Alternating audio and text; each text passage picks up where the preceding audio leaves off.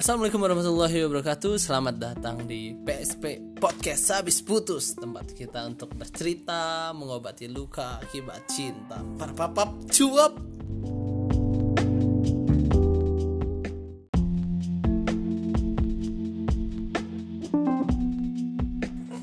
Selamat datang di segmen cerita saya Di episode ketiga yaitu episode 3 Januari 2020 nggak terlalu banyak yang pengen gue ceritain untuk hari ini karena emang nggak terlalu banyak yang gue lakuin. Um, tapi paling gue pengen keluarin unek-unek ya. Karena kemarin-kemarin itu sebelumnya gue itu sempet minjemin kamera gue gitu. Jadi gue pinjemin dan ternyata kamera gue itu ketukar gitu kan nah, ketika ketukar gitu kan akhirnya gue tanya dan gue minta ditukar balik gitu kan dan janjian lah tanggal 2 Januari.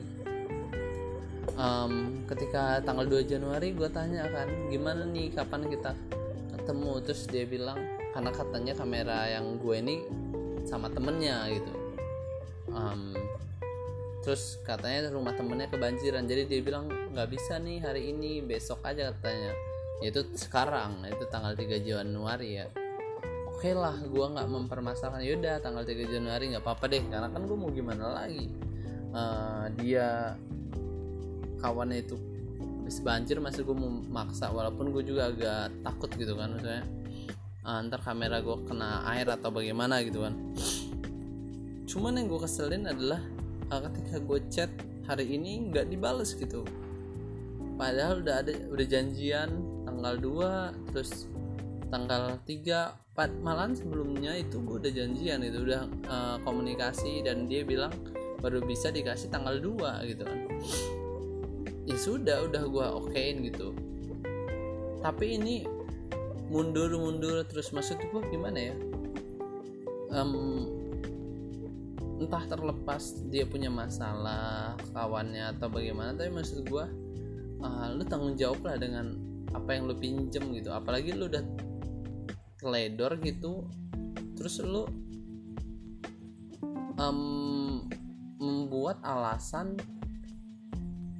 dengan permasalahan yang lu punya. Maksud gue ya ya permasalahan lu ya permasalahan lu dengan apa yang lu alami gitu. Lu punya permasalahan dengan orang ya peduli amat sebenarnya orang itu dengan permasalahan lu tapi lo harus tanggung jawab untuk menyelesaikan permasalahan lo dengan orang itu kan?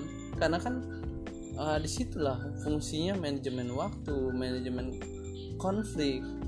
Kalau maksud gue gimana ya, ya lo harus profesional dengan apa yang lo lakukan. Lo minjem ya lo profesional. Lo harus tanggung jawab ngembalikinnya kapan janjian kapan yang ngebalikinnya kapan gitu. Kalau kayak gini kan jujur membuat gue makin males ya untuk minjemin sesuatu ke orang-orang gitu. Walaupun emang ke sini sini gue tuh udah males minjem minjemin sesuatu ke orang-orang. Paling orang-orang tertentu yang menurut gue memang amanah gitu itu baru gue nggak masalah. Karena kebanyakan orang-orang ya kayak orang yang minjem duit gitu. Kalau minjem GC tapi pas uh, ngebalikin udah nggak tanggung jawab nggak konsekuen gitu jadi ngebuat kita males gitu. Tapi kalau misalnya kita nggak minjemin dibilang kita pelit jadi serba salah. Tapi gue sih udah nggak peduli peduli amat gitu. Maksudnya ke sini sini gue udah kayaknya kalau ada orang-orang yang minjem sesuatu lagi gue bakal eh, nggak uh, deh maaf nggak bisa gitu. Paling orang-orang tertentu yang menurut gue uh, bisa dipercaya itu gue nggak masalah gitu. Cuman maksud gue cobalah kita itu biasanya tanggung jawab ya. Apalagi soal minjem meminjem entah itu uang barang. Karena kita nggak tahu gimana orang itu ngerawatnya. Atau kayak soal uang apakah orang itu butuh atau enggak jadi ketika udah janji ya ditepatin. Kayak gue ke sini sini ada kecewa makin kecewa khususnya anak-anak muda gitu kan. Kenapa hal kayak gitu tuh dibiasain gitu dan sudah kayak kayak udah menjadi hal yang biasa gitu nggak ada tanggung jawab.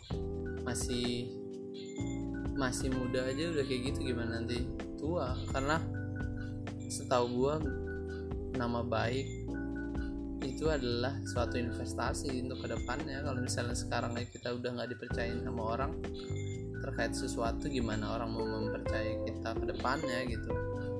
Walaupun percayaan itu banyak aspeknya ya. Um, itu mungkin sedikit keluh kesah gua hari ini gitu kan.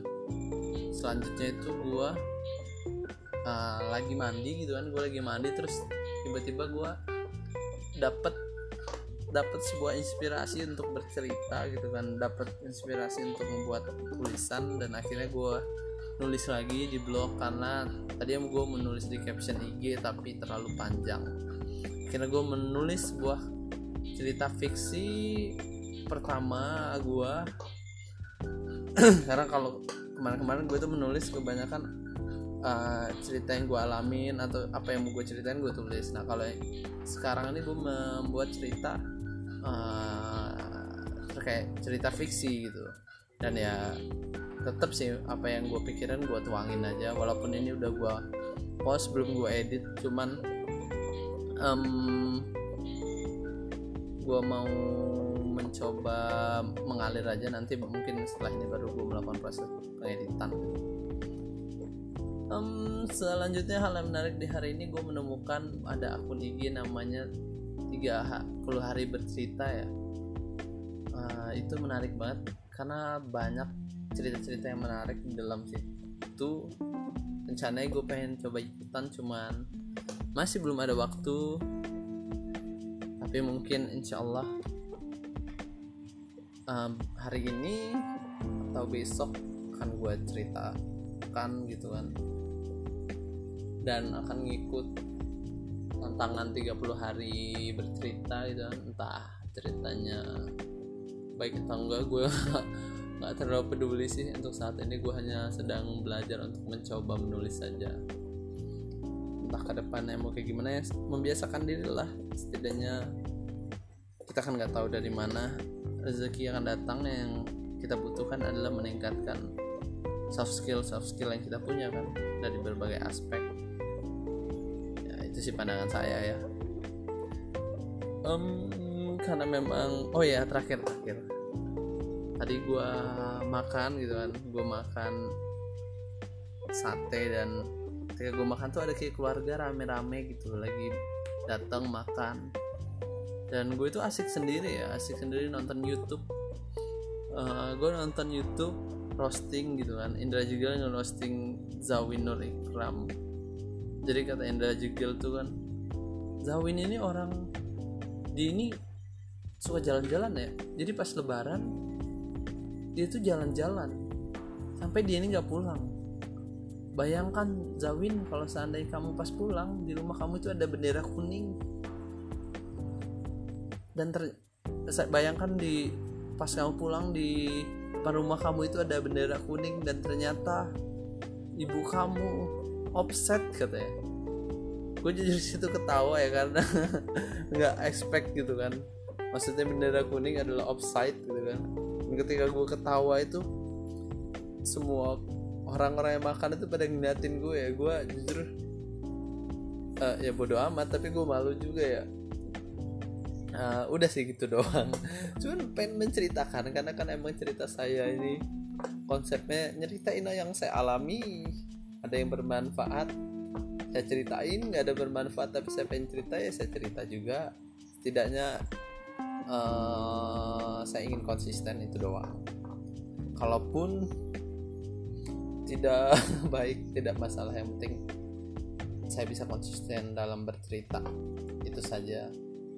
Um, mungkin cerita saya tanggal 3 Januari selesai. Terima kasih atas waktunya karena telah mendengarkan. Wassalamualaikum warahmatullahi wabarakatuh.